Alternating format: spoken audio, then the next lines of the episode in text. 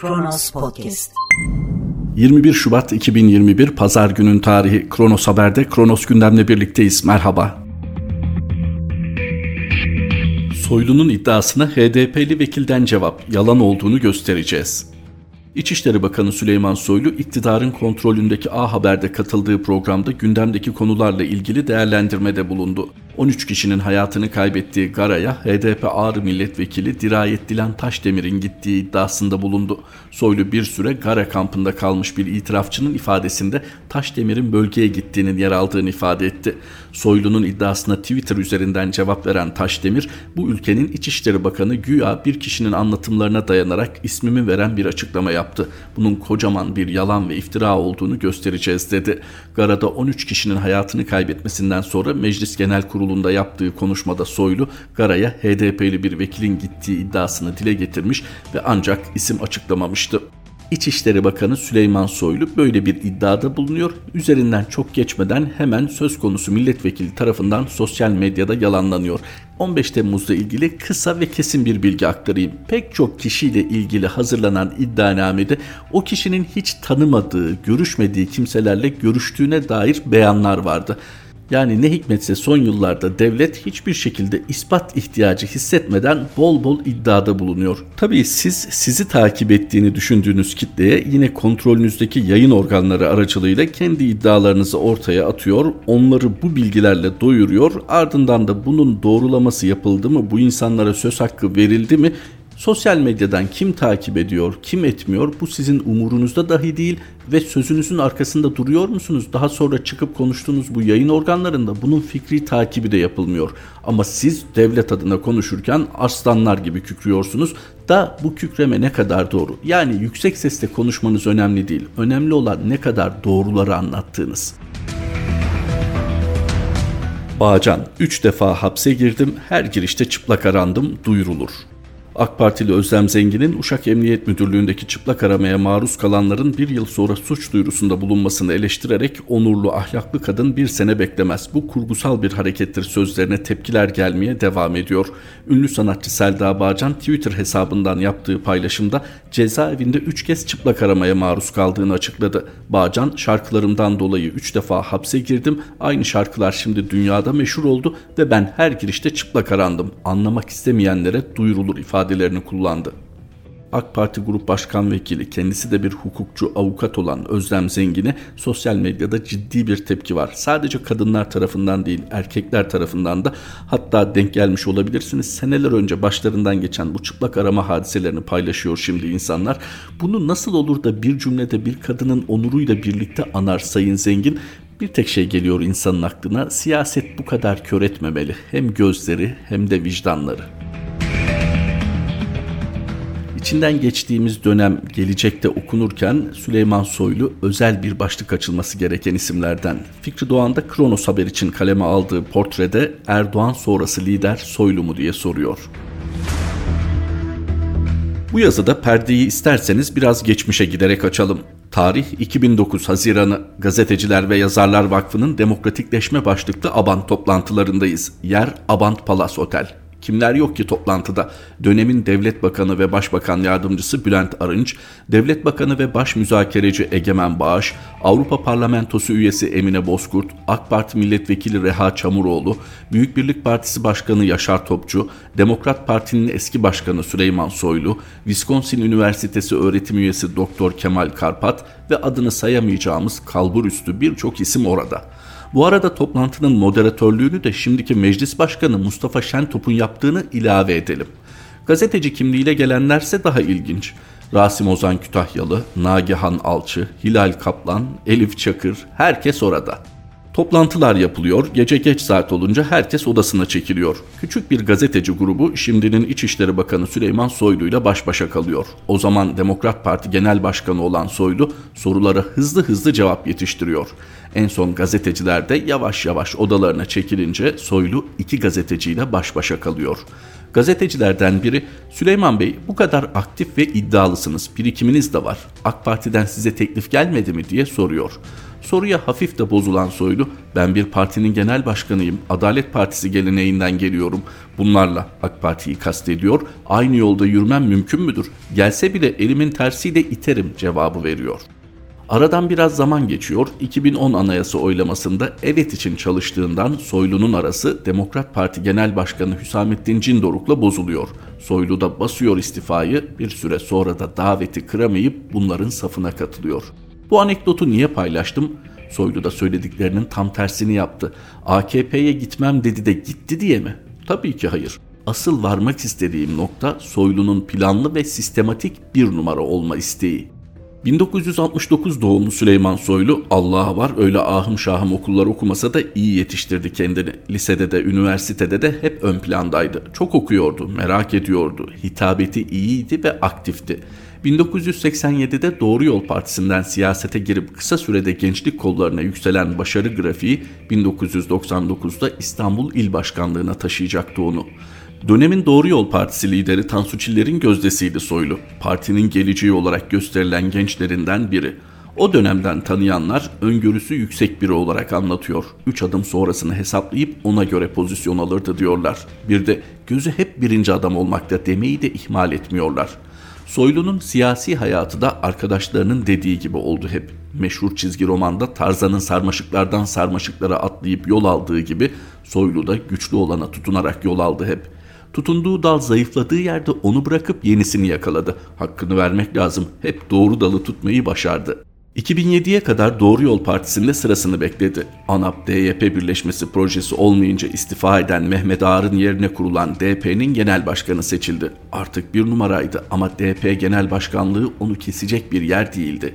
2008'de yapılan olağanüstü genel kurulda bir kez daha genel başkan seçilerek yerini sağlamlaştırdı.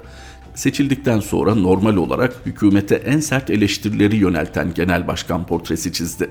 Neler demiyordu ki mitinglerde senden hesap sormazsam namerdim diyordu Başbakan Erdoğan'a. At üstünde durmayı beceremeyen Erdoğan ülke yönetmeyi de beceremedi diyordu. Boyan döküldü Tayyip Erdoğan diye bağırıyordu meydanlarda. En ilginci de Erdoğan'ı padişah olmak istiyor diye eleştiriyordu. 2009 yerel seçimlerinden önce 2007 seçimlerinde alınan 5.4'ün üzerinde oy almazsam istifa ederim açıklaması yaptı. Ama anketlerde zaten çakılmış durumdaydı. DP seçimde %4'te kalınca da sözünü tutup DP Genel Başkanlığından istifa etti. Soylu Demokrat Parti'de büyük oynayamayacağını keşfetmişti. Yeni bir plan vardı kafasında. Hedeflerine ulaşmanın yolu AKP'den geçiyordu. Saha, zemin ve hava şartları büyük oynamak için son derece elverişliydi AKP'de. Üstelik önlerinde 2010 referandumu gibi elverişli bir durum vardı. Hükümet statikoya karşı halk oyuna başvurmuştu. Tam da Soylu'nun istediği şartlardı. Kendini sahaya atan Soylu şehir şehir dolaşıp referandumda neden evet denilmesi gerektiğini anlatan konferanslar verdi. Toplantılar düzenledi. En AK Partiliden daha AK Partili çalışmıştı Soylu.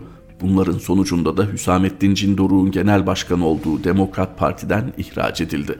Plan tıkır tıkır işliyordu yani.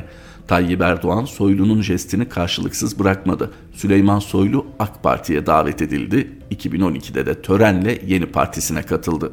AKP'de çeşitli görevler tevdi edilen Soylu 2015'te Trabzon milletvekili olarak meclise girdi. Çalışma ve Sosyal Güvenlik Bakanlığı yapan Soylu'nun yıldızı giderek parladı. Müthiş zekası ve öngörüsüyle AKP'de yükselmenin reise ölümüne biattan geçtiğini gören Soylu, partinin Şahin kanadının başını çekiyordu. Her platformda ölümüne Erdoğan'ı savunan Soylu, reisin gözüne çoktan girmişti. Soylu gazetelerinden çıkmadığı, ekranlarından inmediği Gülen cemaatine karşı sürdürülen operasyonda da en öndeydi. O dönemki yakıştırmayla paralel yapı başı ezilmesi gereken bir düşmandı. Soylu da en ön saftaydı. Günler haftaları, haftalar ayları kovaladı. Türkiye o kara geceyi yaşadı. 15 Temmuz sonrası İçişleri Bakanı Efkan Ala istifa edince reis görevi beklendiği üzere Soylu'ya verdi. Süleyman Soylu ne kadar sert olursa Erdoğan'ın kendisine o kadar güveneceğini biliyordu. O da bir İçişleri Bakanı ne kadar sert olur dosta düşmana gösterecekti. 15 Temmuz'dan sonra Soylu'nun gazabına cemaat mensubundan solcusuna, HDP seçmeninden marjinaline herkes uğradı. Soylu biliyordu ki o hükümet düşmanlarına vurdukça yukarıya o kadar yaranıyordu. Çünkü Soylu'nun bütün hesapları Tayyip Erdoğan sonrası üzerineydi. Hedefiyle arasındaysa sadece bir kişi kalmıştı. Damat Berat Albayrak. Damatla Soylu arasındaki soğuk savaş uzun süre devam etti. Medya damadın abinin kontrolündeydi ama Soylu da teşkilatçıydı. Atamalardan operasyonlara kadar her alanda kendini gösteren Soylu Albayrak savaşı kameraların önünde birbirlerine omuz atacak kadar açığa çıkınca Erdoğan duruma müdahale etti. İkisiyle de ayrı ayrı görüşen Erdoğan savaşı kapalı kapılar ardına çekmeyi başarmıştı. Soylu oyunu doğru oynuyordu. Damatsa bu soğuk savaşı sürdürecek ne tecrübeye ne de gözü karalığa sahipti. Soylu'nun 8 sene önce söylediği yeni Türkiye'de MHP'ye yer yok sözleri çoktan unutulmuştu. MHP olanca gücüyle Süleyman Soylu'nun arkasında duruyordu. Damattansa kayınpederi bile rahatsızdı ve Soylu bu durumun farkındaydı. Soylu Nisan 2020'de bir güç denemesi yaptı. Geç açıklanan bir pandemide sokağa çıkma yasağı tepki alınca hiçbir zaman zarar vermek istemediğim aziz milletimiz hayatımın sonuna kadar da sadık olacağım Sayın Cumhurbaşkanım beni bağışlasın diyerek istifa etti. Damadın ağabeyinin hükmettiği yayın organları Soylu istifa etti, geri dönüş yok altyazıları geçerken Soylu kıs kıs gülüyordu. Nihayetinde Cumhurbaşkanı istifayı kabul etmedi ve Soylu görevinde kaldı. Süleyman Soylu istifasının kabul edilmeyeceğini adı gibi biliyordu. O sadece vazgeçilmez olduğunu dosta düşmana göstermek istemişti. Planı her zamanki gibi tıkır tıkır işledi. Bir süre sonra ekonomik kriz sebebiyle damat Berat istifa edince Soylu'nun yolu tamamen açılmış oldu. Şimdi bir Erdoğan bir kendisi kalmıştı. Soylu'nun muradına ermesine bir adım kalmıştı. Sene oldu 2021. Cumhur İttifakı'nın durumu parlak görünmüyor. İktidar erken seçime gitmekle seçimi zamanında yapmak arasında sıkışmış durumda. Olası bir Erdoğan sonrası içinse AKP'de şimdilik bir kişinin adı ön plana çıkıyor. O ismi de kime sorsanız size söyler. Fikri Doğan'ın satırlarından sonra Ali Nozinyan'ın yazısına geçelim. O da Osmanlı Hilali ile Ermeni sporculardan bahsediyor. Osmanlı'yı yüceltmek için Osmanlı'yı karikatürize edenlerin hızla güçlendiği ve yayıldığı günlerden geçiyoruz. Sokak aralarında bile sultancılık oyunları oynanıyor. Kafasına fesi takan Osmanlı geri geldi diye bağırınca Osmanlı'yı dirilttiğini düşünüyor. Yerli ve millilikte yeni bir trend, hatta olmazsa olmaz Osmanlıcılık. Bugünlerde yüceltilen değerlerin, altın varak ve ev dekorasyonlarının, metrelerce kadife perdenin yani onlara göre Osmanlıcılığın Osmanlı ile alakası var mı o ayrı bir tartışma konusu. Dünyadan kopmuşluğun, gerçeklerden kaçışın, aynı şeyleri yine yeniden fethetmenin, kısaca mantıksızlığın ve seviyesizliğin adını Osmanlıcılık koydular, eğleniyorlar.'' Geçen günlerde yeni bir söylem gündeme geldi. Sultan II. Abdülhamid olmasaydı futbol olmazdı. Osmanlı'nın futbol takımları onun izniyle kuruldu denildi. Futbol konusunda resmi metinler zaten sorunlu ama bu yeni tez başlı başına komedi. Resmi olarak modern futbolun Osmanlı'da 19. yüzyılın sonlarında oynanmaya başlandığı ve 1923'te Cumhuriyet'le birlikte batılılaşma politikası altında futbola başlandığı anlatılıyor. Metinler ara yılları atlayıp üç büyükler dönemine geçiyor.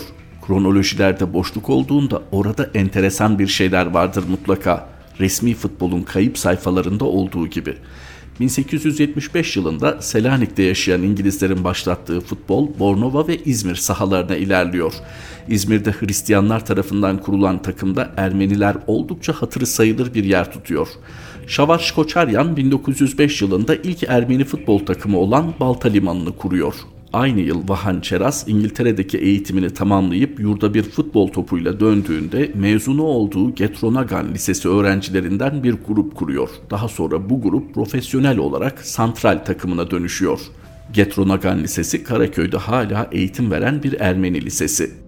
Gabriel Macaryan, Dikran Kolayan ve daha birçok kişi öncülüğünde İstanbul'da Üsküdar, Bakırköy, Galata, Kumkapı, Nişantaşı, Şişli, Pera, Kadıköy, Balat, Kazlıçeşme, Pangaltı, Kınalıada gibi yaşadıkları semtin adlarıyla profesyonel takımlar kuruluyor.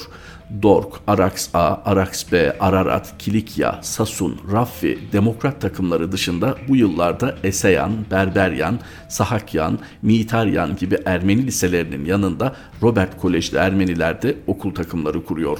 Hatta bu takımların hepsi 1911 yılında Rumeli Ligi'nde yarışıyor.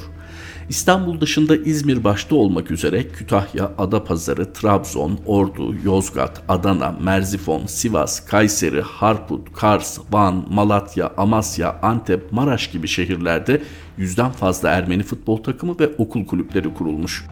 Bu bilgilerin birçoğu 1911 yılında Şavaş Kirisya'nın editörlüğünde Osmanlı'nın ilk spor dergisi olan Ermenice yayımlanan Marna Mars'da yayımlanmış. Atletizm demek.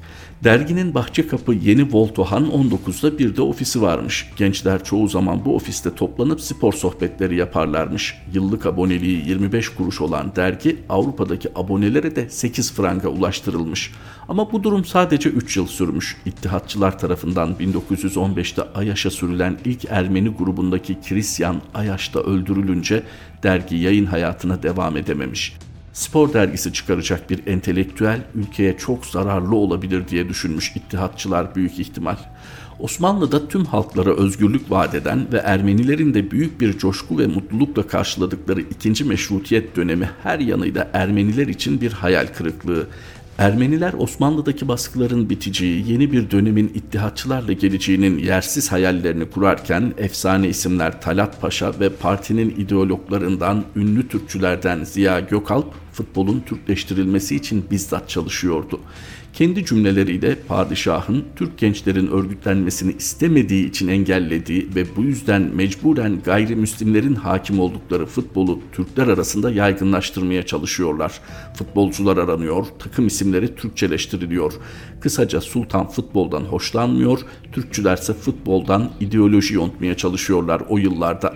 Ziya Gökalp'ın Enver Paşa ile kurduğu Osmanlı Güç Derneklerinin ve 1908'de Milli Olimpiyat Komitesi'nin mimarı Selim Sırrı'nın daha sonraki yıllarda kurduğu Türk Güç Cemiyetlerinin de asıl amacı kuracakları ülke gibi sporu da zararlı unsurlardan ayıklayıp Türkleştirmek.